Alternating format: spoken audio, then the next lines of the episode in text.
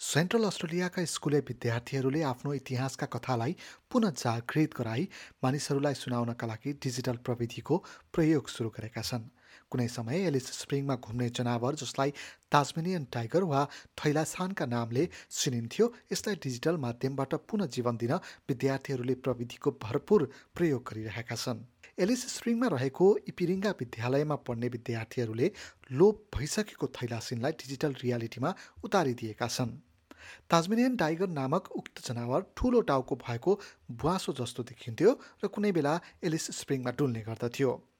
अहिले स्कुले विद्यार्थीहरूले प्रविधिको प्रयोग गर्दा यसलाई जीवन्त बनाइदिएका छन् विद्यालयकी शिक्षिका टियारा टुल्हान अस्ट्रेलियामा प्रतिष्ठित जनावर अहिले लोप भइसकेको भए पनि अझै पनि उसले एलिस स्प्रिङलाई सुरक्षित बनाइराखेको बताउँछिन् And so, where he remained was called Dog Rock, which is Alice Springs. Um, and he, in Arunda, we call him the Akmulya, and now he remains here, continuing to protect Alice Springs and watches. थैलासिनको digital कथा बुन्न त्यति सहज भने थिएन। यसका लागि विद्यार्थीहरूले चरित्र चयन गर्ने कार्यशालामा सहभागी हुने चित्र बनाउनेदेखि थ्री डी मोडलको विकास गर्नेसम्मका काम गरेका छन्। उक्त कार्यक्रममा सहजकर्ताको भूमिका निर्वाह गरिरहेका एन्टोनी फ्र्याङ्क सफ्टवेयरका माध्यमबाट विद्यार्थीहरूलाई निकै सजिलो भएको बताउँछन्। We then go into software applications like Microsoft Paint 3D or Tinkercad, which are 3D animation applications to create that character in, in a digital form in 3D. We then also use Minecraft Education Edition for them to create country, and those two elements are anchored to one another, and an audio recording either of the storyteller sharing the story or the children explaining why they chose that character from the story. विद्यार्थीहरूलाई school ल्याउन मुस्किल परिरहेका बेला यस्ता कार्यक्रमहरूले उनीहरूलाई नियमित विद्यालय आउनका लागि प्रोत्साहन गरेको बताइन्छ। शिक्षिका टुलहान परम्परागत शैलीको पढाइभन्दा यस्ता गतिविधिले विद्यार्थीहरूलाई बढी आकर्षित गरिरहेको बताउँछिन्टिङ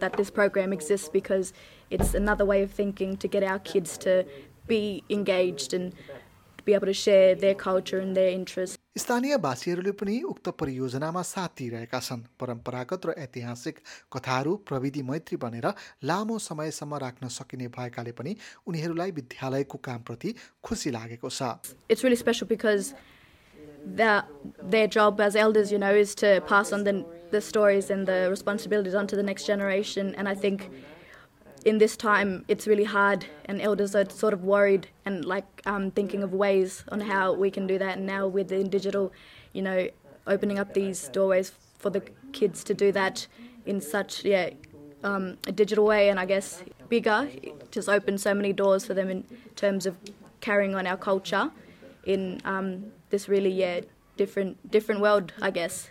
Frank भन्छन् कि विद्यार्थीहरूमा डिजिटल ज्ञानको विकास गरी उनीहरूको भोलिको करियर पनि यसैमा विकास हुन सक्छ although we're, we're teaching foundational digital skills with these children uh, and rooted in that ancient cultural story that matters, they're also understanding that they have potential career paths in digital futures where maybe that wasn't something that they saw as an opportunity before. So they now have a new language in this digital space, but also these stories are being told properly and can be archived appropriately with the knowledge holders still holding that intellectual property. बालबालिकाका लागि यसले कथाहरू बुन्न सिकाउने भए पनि आदिवासीहरूका लागि भने यसले अर्कै महत्त्व राख्छ उनीहरूले आफ्नो जीवन भोगाइहरू यी कथाहरूमा पाउँछन् And these stories, they're not only just stories, they, they um, help us through life. They literally um, help us in hard times, good times, and they are sort of stories to help guide children and these young ones